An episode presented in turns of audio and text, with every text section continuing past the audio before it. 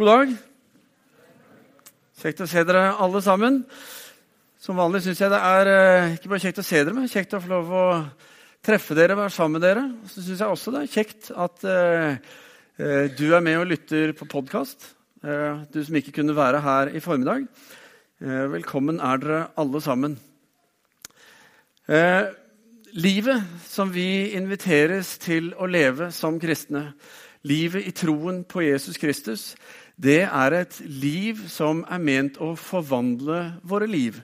Ment å forvandle vår hverdag.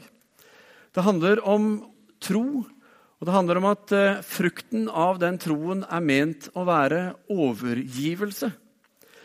Uh, og Med overgivelse så mener jeg at vi går helt inn for troen. Altså Vi satser alt på troen. I eh, spillverden så har du et begrep som heter all in. og Da tar de alt de har, og så satser de alt på det ene. De sprer det ikke ut i tilfelle de kan vinne noe der og vinne noe der. Men de tar alt og satser det på det ene. Og eh, det er hva overgivelse handler om, og det er det vi inviteres og utfordres til å gjøre. Og dette er jo en utfordring for mange av oss.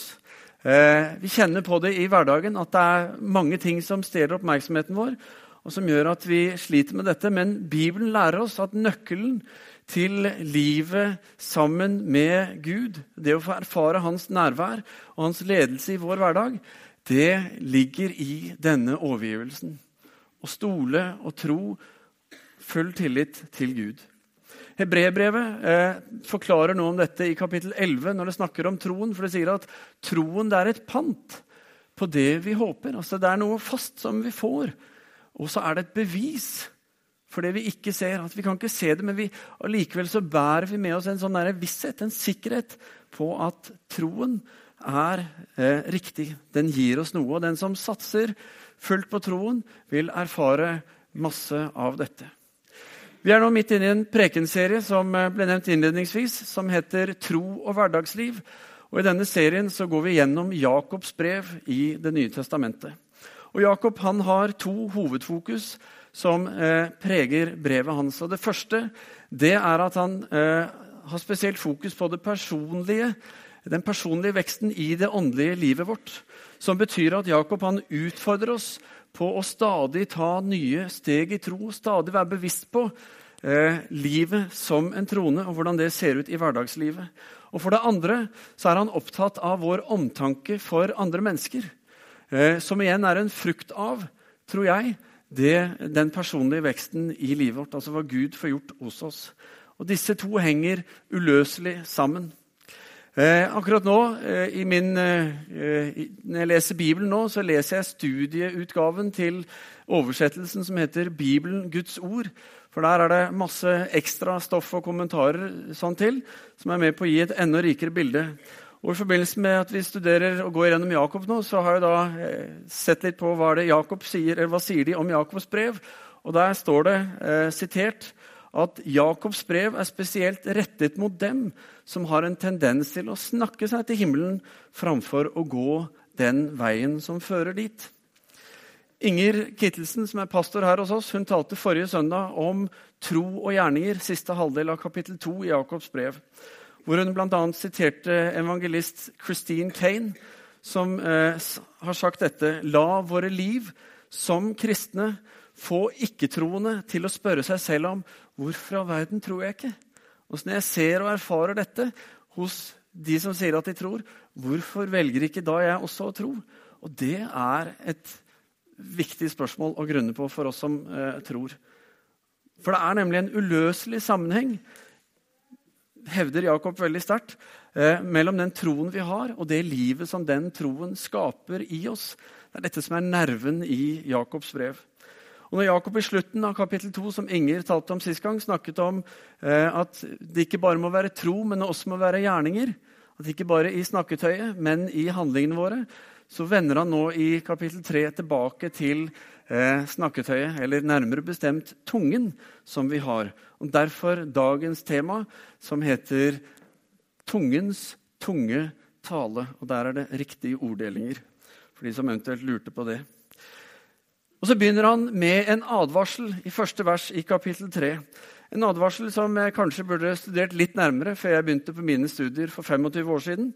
For der sier han at ikke så mange av dere bør bli lærere, mine brødre. For dere vet at vi lærere skal få så mye strengere dom. Tenk om jeg hadde visst det. Jeg hadde nok endt opp her allikevel.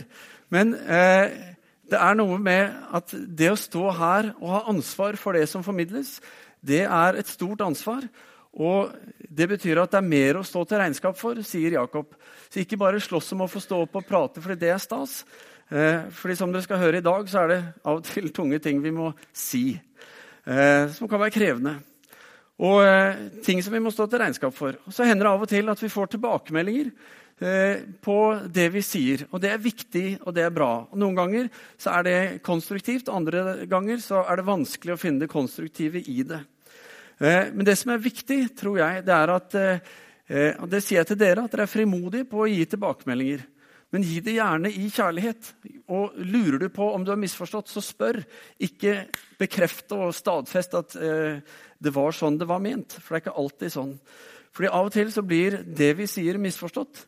Det gjør at det kan være vanskelig å stå her. Men bedre at du sier det til oss enn at du sier det til andre hvis det er noe du er uenig i eller eh, har lyst til å, å måte, sette spesielt merke ved.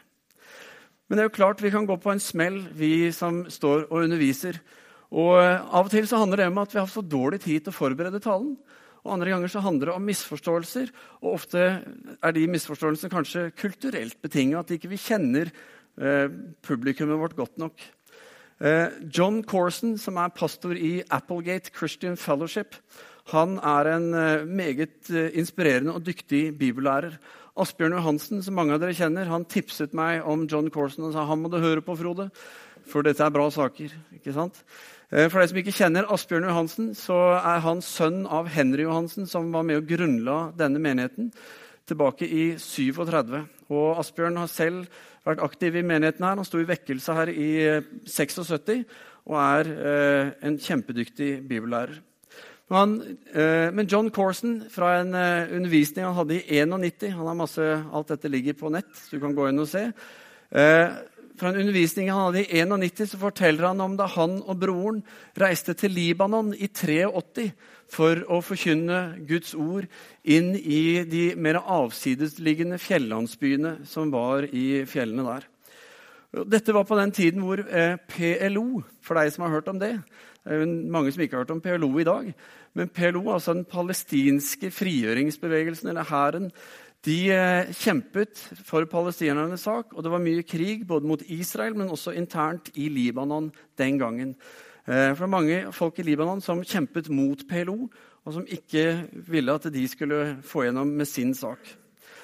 Og Så kommer da John og broren fra USA inn i disse landsbyene som ikke har sett andre enn folk fra Midtøsten eh, på mange år. Og så skal de forkynne Guds ord. Og Der møter de folk som er i krig. Som står med liksom patronbelte og alt og ser ut som at hvis de nyser nå, så går det skikkelig gærent. ikke sant? Da smeller det et eller annet sted. Og så tenker du skal vi forkynne for disse. Og Når de liksom samler folka i landsbyen, så sier da broren til John ja, du får tale, du, John. Takk skal du ha, tenkte han. ikke sant?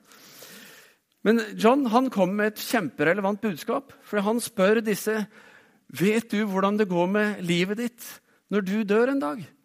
Hvor ender livet ditt opp den dagen du dør? Og For disse som var i krig og kanskje ikke overlevde den dagen engang, så var det et kjemperelevant spørsmål. Og I denne talen så bruker han et bilde om en husselger som selger huset sitt til spottpris. Røverkjøp. ikke sant? Og han som kjøper er jo overbegeistra. Kult, jeg får jo det bra huset for en slikk og ingenting. Og det eneste husselgeren sier, det er én ting jeg vil beholde og ha råderett over i huset etter at jeg har solgt det, og det er den spikeren som henger inne i foajeen der inne. ikke sant? Foyer, Har du foyer hjemme? Vi har det her i kirka. Inne i gangen, da, eller hvor det nå er. Men den spikeren der den vil jeg ha råderett over. Og han tenker kjære tid til den prisen der. selvfølgelig. Og bildet stygt, så skal jeg overleve det. liksom. Som han hadde lyst til å henge på den spikeren. Så eh, de blir enige om det. da. Så går det et par uker, og så kommer da denne tidligere eieren, sier John, tilbake til huset sitt. Og så har han med seg en død hund som han henger opp på denne spikeren. Og Det er ganske brutalt. Og han eh, nye eieren han opponerer selvfølgelig mot dette. Dette vil jeg jo ikke ha. Men sa nei, dealen er den spikeren er min. Den kan jeg bruke som jeg vil. Han kunne jo ikke innvende på det, og det tar jo ikke lange tiden før han bare må forlate det huset. Fordi den stanken og så utrivelig som det blir, han bare forlater det. Og Som gjør at den gamle eieren han overtar huset igjen, og det blir hans. Og eh, Budskapet her er på en måte når du overgir deg, så ikke la noe bli tilbake. Gå fullt inn. Ikke legge noe som kan være et anker for noe annet, er det John vil si til disse. Og dette er bra saker, ikke sant? Eh, og så kommer John med frelsesinnbydelsen.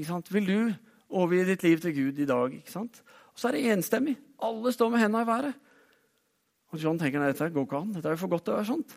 Så for å være sikker så gjentar han denne innbydelsen, og folk er like enstemmige. ikke sant? Noen står med gevær i hånda, sier han, ikke sant? selv om det så litt voldsomt ut.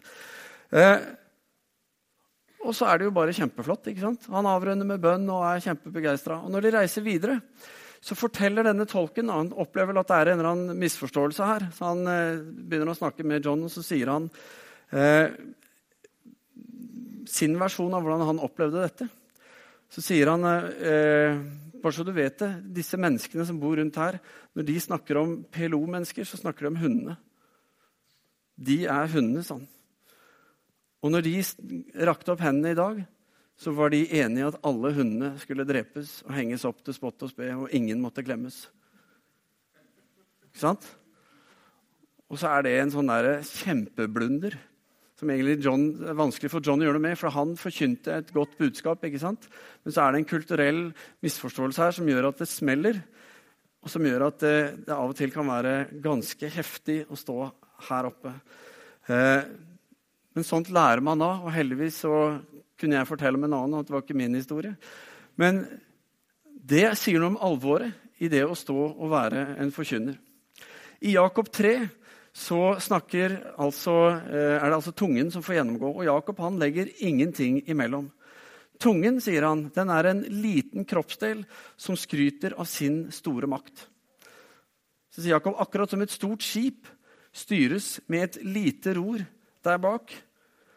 Eller som en hest styres med et bissel i munnen. Så kan du styre den store, sterke hesten. ikke sant? På samme måte så styrer tungen oss sier Jakob. Denne lille, Og så sier han også eh, at en flamme, som også kalles en ildtunge, den kan gjøre store ting. Og nå har jeg selvfølgelig en fyrstikk her. da. Og Sannheten er at denne lille flammen her kan sette i brann selv det største huset. Selv den største skogen kan denne lille flammen ta i bruk. Og det er Jakobs poeng. Selv om det er lite og virker ubetydelig, så kan det gjøre store ting. Og I vers 6 så sier Jakob også tungen er en ild, en verden av ondskap blant eh, våre lemmer. Den smitter hele kroppen og setter livshjulet i brann, og selv blir den satt i brann av helvete. Skjønner du nå hvorfor ikke du alltid skal ha lyst til å stå her oppe og tale? For dette er heftige ord. En klar tale. Og det er ikke noe, som, det er ikke noe sånn der, 'hurra, i dag skal jeg fortelle om dette', nødvendigvis. Selv om jeg tror dette er viktig å si og har gleda meg til å si det. Men det rører noe i oss når vi leser disse tekstene, fordi de er utfordrende, og de er, virker for harde av og til, syns noen av oss. Men uansett hva vi måtte oppleve når vi leser den der, så tror jeg vi alle kan være enige om at ordene våre har stor makt. Og det er Jakobs poeng. Jeg hater deg. Jeg elsker deg. Skulle ønske jeg aldri hadde truffet deg. Jeg vet ikke hva jeg skulle gjort uten deg. Idiot! Dust, hvorfor gjorde du det? Det er så godt å se deg. Disse ordene er sterke, og de rører store ting. Tungen, den er ordets lem. Og så vet vi det at i tillegg til å ha disse ordene som vi akkurat hørte, så har dagens tungen fått et tastatur i tillegg. Plutselig så har den flere steder å formidle det som ligger på tungen. Flere muligheter til å vise sin makt. Og mange, vet mange av oss som er på Internett, vi vet at det går en kule varmt av og til på, i kommentarfeltene, enten det er på Facebook eller i kommentarfeltene på blogger eller debattsider osv. Og så er det mange som der blir hengt ut og virkelig får gjennomgå på skikkelig stygge måter av de som i utgangspunktet kanskje bare var en meningsmotstander, men som ender opp med å bli liksom sånn person- og livsmotstandere, kan det føles, fordi det går så grådig hardt til verks. Nå skal vi se et bilde her fra eh, noe av de tingene som en blogger har fått eh, høre på sine kommentarfelt. Og her er det mye tunge ting som eh, formidles via tastaturet, som egentlig er, liksom er bare blitt en forlenget arm av, av tungen. Og så hadde jeg egentlig tenkt at nei, jeg har ikke lyst til å skjule noe av dette for å få fram måte, hvor reelt og ille dette er, men en av de følte jeg, den må jeg bare sensurere. Og der står det nemlig Nei da. Men, men, som denne bloggeren skriver, da, som du ser stående på det grå feltet på, eller på genseren hennes der, så sier hun disse ordene sårer meg faktisk, selv om jeg bare leser dem på en skjerm. Altså, vi mister litt sånn derre fatningen på nett. Det er ikke så farlig. Vi blir litt tøffere i trynet. Og så er Noe av det skumle her det er at det er mange kristne som også holder på med dette i forskjellig grad. Og så er det ikke bare et nettfenomen, men det skjer i det skjulte, det skjer i det baktalte. Det skjer også midt iblant oss. Vi har mange ord ofte som vi bare sier til utvalgte mennesker. Fordi hvis vi sa det til alle, så ville det ramme oss negativt. Men når vi sier det til noen, så sier vi det til noen for vi tror at vi kan vinne dem over og få makt over de gjennom å få de til å være enige med oss. Jakob han sier i vers 9.: med tungen så lovpriser vi vår Herre og Far. Og med den samme tungen så forbanner vi menneskene som er skapt i Guds bilde. Fra samme munn kommer det både lovprisning og forbannelse. Slik må det ikke være, mine søsken, sier Jakob. Men så er altså problemet at slik er det. Og spørsmålet blir da hva gjør vi med det? For dette handler om våre valg. Det handler om vår overgivelse. La tungen være et redskap til velsignelse. Det er en av de tingene Jakob ønsker å si oss.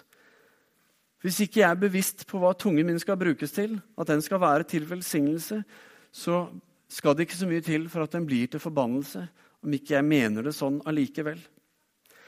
F.eks. når du er i kirken, sånn som nå i formiddag så vet vi jo å styre tungen vår i forhold til kirkestandarden. ikke sant? Vi vet at her prater vi på, på en viss måte. Men hva med når vi ikke er i kirken, da? Hvor bevisste er vi på tungen og bruken av tungen når vi ikke er i kirken? Og spørsmålet er lever jeg et helt liv framfor Gud, eller har jeg bare visse tider hvor jeg er spesielt oppmerksom på Gud og det å følge Han? Dette er alvorlige og viktige spørsmål som vi alle trenger å svare på. Tungen, den er en ild. Og når apostlene, de tolv apostlene og de 108 andre, altså de 120 som vi leser om i apostlenes gjerninger, de var samlet i øvresalen i Jerusalem på pinsedag, så skjedde dette som vi skal lese her. Der står det tunger som av ild viste seg for dem delte seg og satte seg på hver enkelt av dem, og de ble alle fylt av Den hellige ånd. Og de begynte å tale med andre språk ettersom ånden ga dem å forkynne. Plutselig så ser vi at tungen får en ny funksjon. Bibelen kaller dette for tungetale i ett sammenhengende ord. tungetale. Tungetale det er et bønnespråk som gis til oss ved Den hellige ånd. Når vi ikke alltid vet hva vi skal be, så kan vi, hvis vi har tungetalen, bruke den til å be ord som taler ikke bare inn i vår ånd, men inn i det åndelige. Og Paulus snakker om at det er flere former for tungetale, og at disse tungene er eh, noen av mange forskjellige nådegaver, åndelige gaver, som Gud ønsker å gi oss ved Den hellige ånd, og som han gir oss for å utruste oss, for å hjelpe oss og styrke oss i vår tro og i vårt hverdagsliv. Og Paulus er veldig tydelig på at vi som kristne vi skal leve åndsstyrt. Vi skal ikke leve selvstyrt. Og Faktisk så er overgivelse den beste form for selvstyre. Når eh, jeg gir Gud kontrollen mitt, Min bestemmelse, mitt selvstyre, er å si Gud, nå skal du bestemme. Jeg ønsker å bli ledet av deg ved din ånd. Jeg ønsker å ta valg fordi du har vist meg, du har ledet meg. For jeg tror at du vet bedre, og at ved deg så kan jeg få lov til å bety langt mye mer enn jeg kan i egen kraft.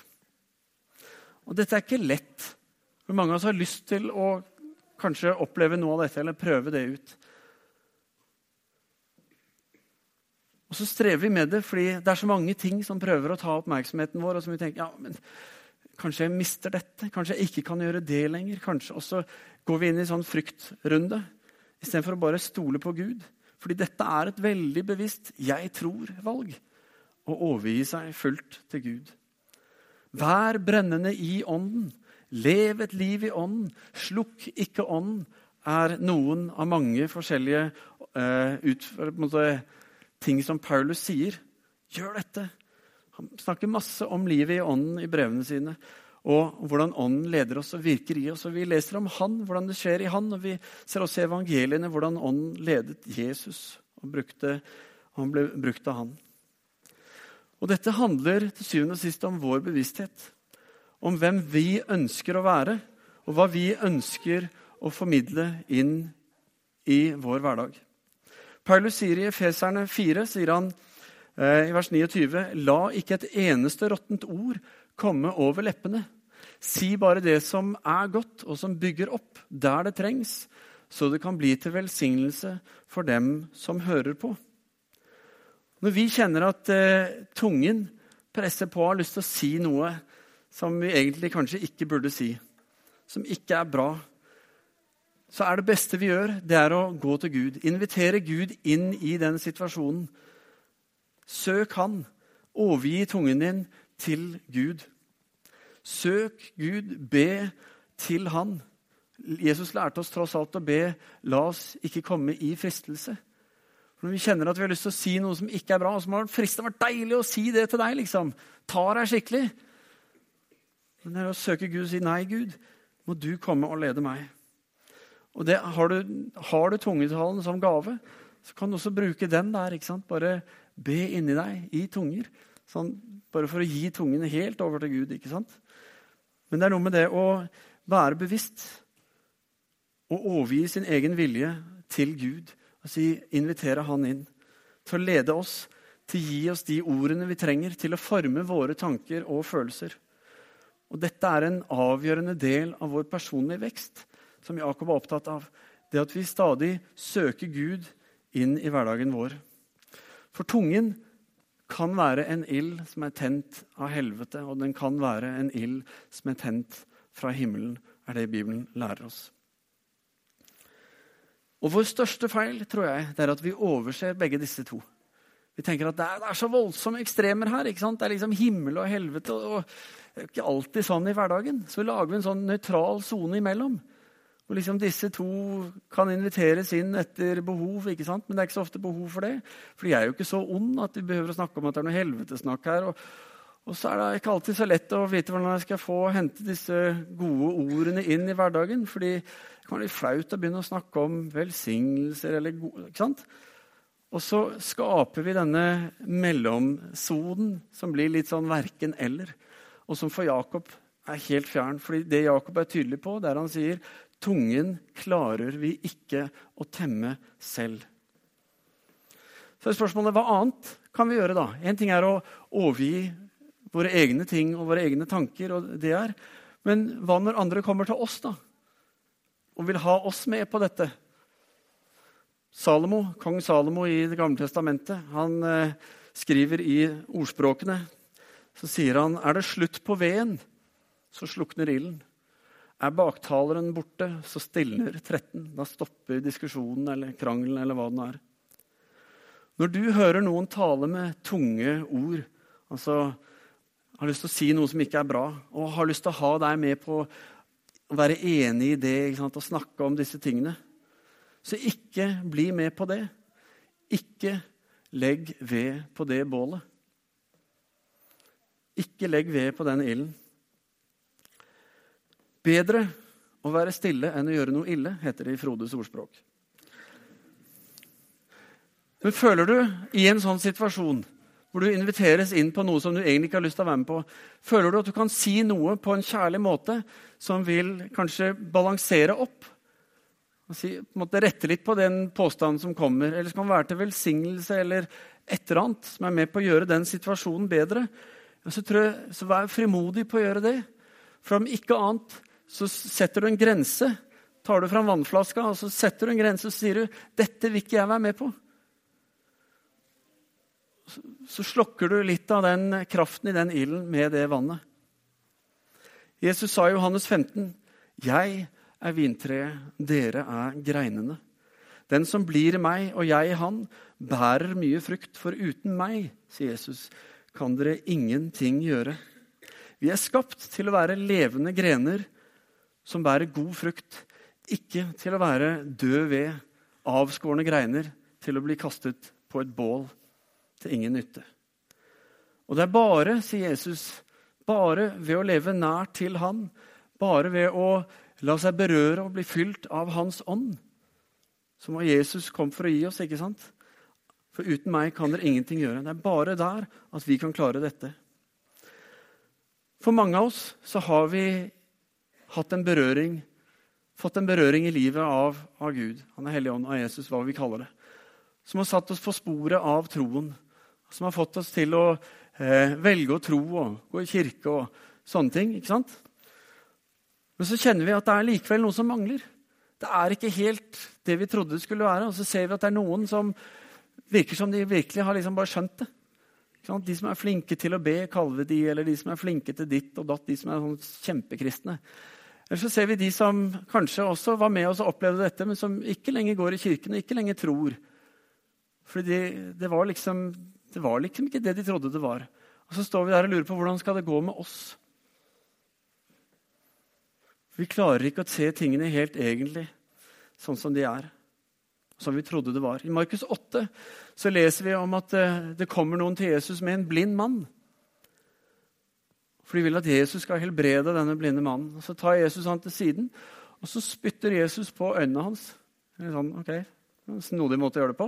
Men han spytter på øynene til denne mannen. Og så legger han hendene på øynene hans og så spør han, ser du noe nå.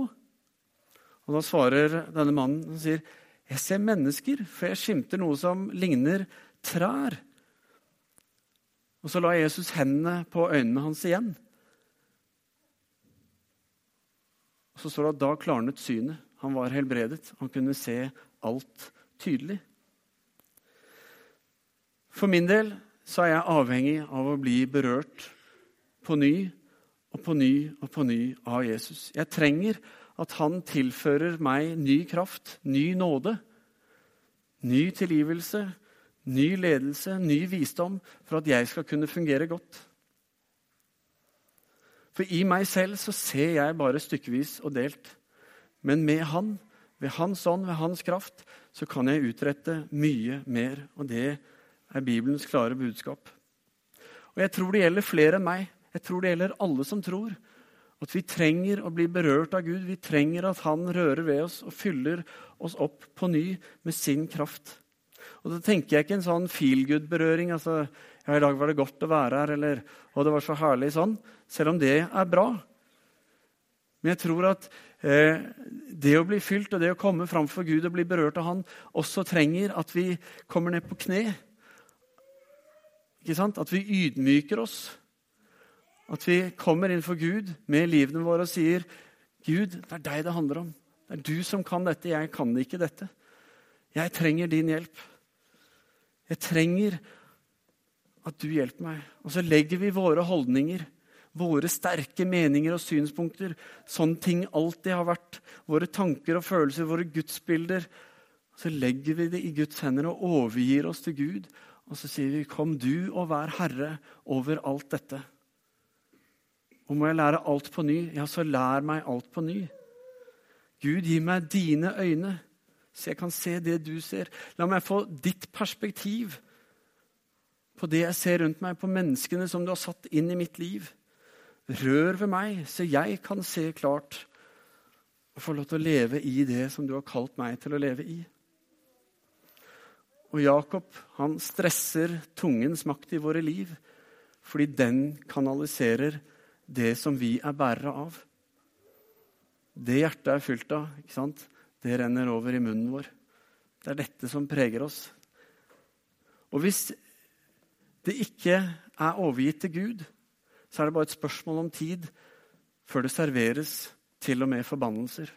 Jeg tror de aller fleste av oss har opplevd i livet at noen har sagt noe som har vært sårende. Og når vi tenker på det nå, det kan være 20 år siden, det kan være 50 år siden, men når vi tenker på det nå, så gjør det fremdeles vondt. For det har plaget oss og vært en forbannelse som har eh, rørt ved oss gjennom livet. Det gjør fremdeles vondt. Som kristne så er vi kalt til å være til velsignelse. Til å se andre mennesker sånn som Gud ser dem. Vi er kalt til å være Guds armer, Guds ben, Guds hjerte, Guds øyne, Guds stemme og hans omsorg til denne verden, til alle mennesker. Og jeg tror når vi får være det, når vi får lov til å erfare og bli en større del For dette skjer ikke bare pang fordi Frode talte om dette i formiddag. liksom. Men dette er noe vi må daglig overgi oss til å søke. Og jeg tror Jo mer vi får erfare dette, jo mer får vi også erfare den rike velsignelsen som vi opplever at Bibelen snakker om, og som vi kjenner at dette, her har jeg lyst til å være. This is the place to be, liksom. Og det er bare ved Jesus, ved hans berøring, Den hellige ånd som han har gitt oss. Det er det pinsedag handler om. Det er derfor eh, vi har fått de åndelige gavene, som tungetale bl.a. Men for at vi skal få lov til å stå styrket i det livet som vi er kalt til å leve, og som Jesus inviterer oss inn i. Skal vi be. Kjære himmelske Far, jeg takker og priser deg, Herre, for at eh, Herre, det er du som har skapt oss. Ingen som du vet akkurat uh, hva som er best for oss, Herre. Og det er vanskelig å forstå. Det er vanskelig å våge å tro det, Herre. Jeg ber, Herre, at du skal Hjelpe oss, Herre, til å ta steg i tro, som Jakob utfordrer oss på. Steg som er til personlig vekst for det andre livet vårt, Herre. For at eh, det skal bli mer av deg i oss. Og at ditt liv skal bli synlig gjennom våre liv, Herre. Og at eh, vi som utgjør menighet sammen, Herre, skal få lov til å bety langt mye mer for denne byen. For de menneskene som er rundt oss, både her i sentrum og også i vårt nabolag. Og Jeg ber, Herre, at du eh, skal røre ved oss. Og takk, Herre, for at du kommer ikke for å dømme oss, Herre, men du kommer for å fylle på med ny kraft, med ny nåde, når vi kommer til deg, Herre. Så kjenner du oss her i eh, formiddag, Herre. Noen av oss trenger en berøring, noen trenger å be om tilgivelse. Noen av oss har en bønn om å få lov til å få noen nådegaver. Kanskje er det å tale i tunger. Noen av oss har gått lenge og følt at det har vært vanskelig og vet ikke helt. Jeg har lyst nå som eh, vi er i bønn, bare lyst til å utfordre deg til å bøye hodet, lukke øynene. Bare ha respekt for alle rundt deg. Så jeg har lyst til å utfordre deg som er her i dag, og som vet at uh, din tunge den er blitt brukt på feil måte. At det er mennesker som er såret pga. det du har sagt eller skrevet. Og at du trenger å be om tilgivelse om det. Og Kanskje er du her i dag som eh, opplever at du ikke klarer å se ting tydelig, og du trenger at Jesus berører ved deg. Og kanskje er du her som eh, har levd et sterkt liv med Gud, og så har det blitt tomt og vanskelig, og så trenger du å bli fylt på ny av Hans kraft, av Hans ånd. Og kanskje har du lurt på dette med nådegaver og bare ikke helt visst hvordan det fungerer. Jeg har lyst til å bare utfordre dere alle til eh, Nå er det ingen som ser hva du rekker opp hånda for, men mens vi andre lukker øynene og holder det sånn, så bare gi et tegn for å fortelle Gud at Gud, jeg trenger deg. Jeg trenger at du gir meg styrke, at du tilgir meg, at du berører meg, at du åpner mine øyne, at du fyller meg. Så hvis dette gjelder deg i formiddag, så bare rekk en hånd, for jeg har lyst til å være med og be for deg her og nå. Flott. Dette gjelder mange. Og rekk opp hånden i ditt hindre hvis du syns det er vanskelig å gjøre det fysisk. Gud ser deg. Herre, du ser oss, Herre. Ingen som deg kjenner hver enkelt av oss. Herre, du vet hvorfor vi rakk opp hånda. Du vet hva det handler om, Herre. Og jeg ber, Herre, i denne stund at du skal komme dem i møte, Herre. Komme dem i møte som bare du kan, Herre, med din nåde, med din Hellige Ånds kraft.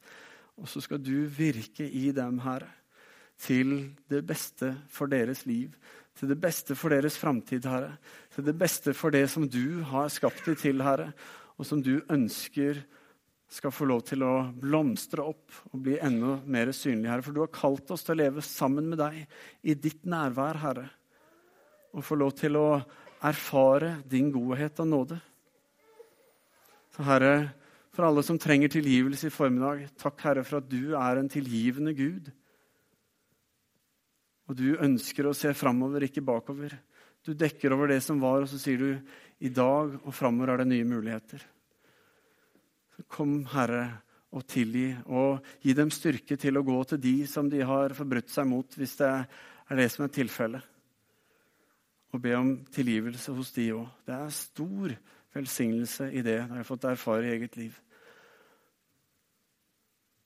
Og så ber jeg, Herre, rør ved alle som trenger en berøring av deg. Fyll de, Herre, med din ånd, med din kraft, med din nåde og velsignelse, Herre. Med dine gaver, med alt hva du er. For vi trenger dette, Herre. Vi er helt avhengig av det om vi skal få lov til å leve det livet som du kaller oss til. Fri oss, Herre, fra å leve et tankens trosliv, Herre. Men la det forplante seg dypt i våre hjerter, så vi blir rotfestet og grunnfestet, Herre, i ditt ord, i din sannhet, i ditt liv, ved din ånd, Herre. Herre, velsign hver enkelt. Fyll de, Herre, med alt godt fra deg, med din ånd og kraft. Vi ber i Jesu navn. Amen.